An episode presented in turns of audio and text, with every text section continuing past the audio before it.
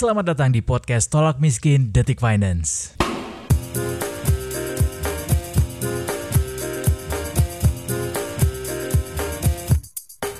Selamat datang kembali di podcast Tolak Miskin Detikers Masih bersama saya Eduardo Simorangkir. Selamat datang kembali di podcast Tolak Miskin di season ketiga kali ini.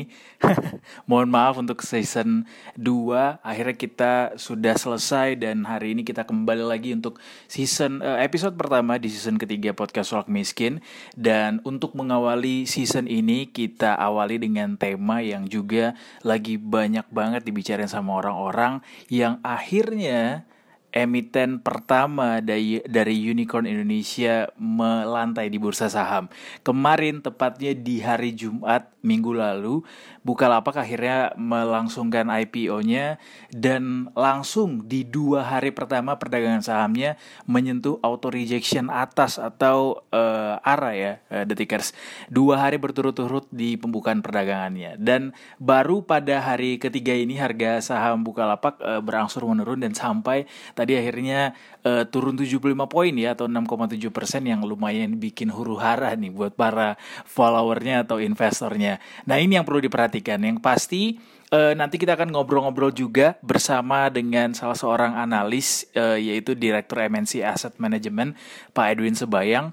Tapi sebelumnya gue mau kasih tahu dulu bahwa uh, apa saja sih yang perlu kita ketahui tentang uh, Bukalapak ini dan uh, bagaimana sebenarnya uh, prospektus sahamnya Bukalapak di jangka panjang. Sebenarnya kita mau kasih tahu dulu bahwa memang uh, eh, IPO unicorn pertama Indonesia ini memang sudah lama sekali dinanti-nanti ya.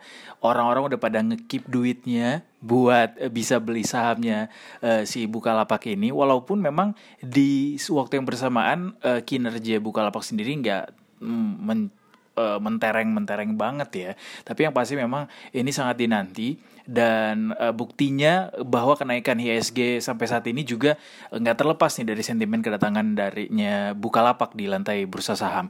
Nah, kenaikan harga saham sendiri untuk uh, awal IPO sebenarnya adalah hal yang wajar untuk sebuah emiten.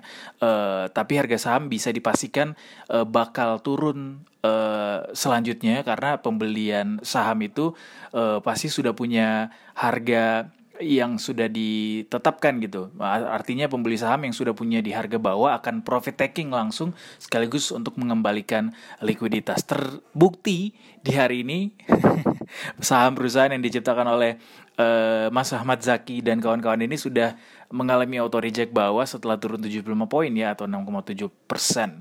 Nah, lalu seperti apa sebenarnya uh, prospek jangka panjang saham buka?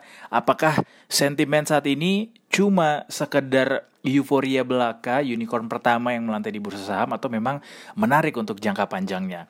Uh, sebelum kita bergabung dengan Pak Edwin, kita coba sampaikan dulu dari data iPrice untuk melihat bagaimana peta persaingan Bukalapak sendiri di uh, e-commerce.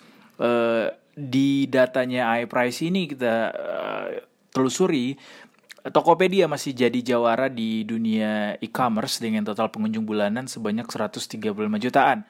Disusul kemudian oleh Shopee dengan eh, total pengunjung bulanannya mencapai 127,4 juta dan Bukalapak sendiri ada di urutan ketiga Detikers dengan jumlah kunjungan per bulannya itu 34,1 juta. Jadi jauh banget ya kalau mau dibandingin sama Shopee dan juga Tokopedia sebenarnya. Dan dua ini juga masih ditunggu nih gebrakannya di dalam uh, dunia pasar modal. Kemudian kalau dilihat dari jumlah pengikut di media sosialnya, Bukalapak juga masih kalah dari dua rivalnya tadi yaitu Tokopedia dan Shopee walaupun memang kita tidak mengartikan ini adalah jumlah pengikut uh, yang mempengaruhi kinerja uh, si Bukalapak sendiri ya. Tapi kalau dari jumlah karyawan kita telusuri Bukalapak juga uh, punya karyawan yang cukup sedikit ini dibandingkan dengan Shopee, Tokopedia, uh, Lazada yaitu jumlah karyawannya sekitar 2371 orang.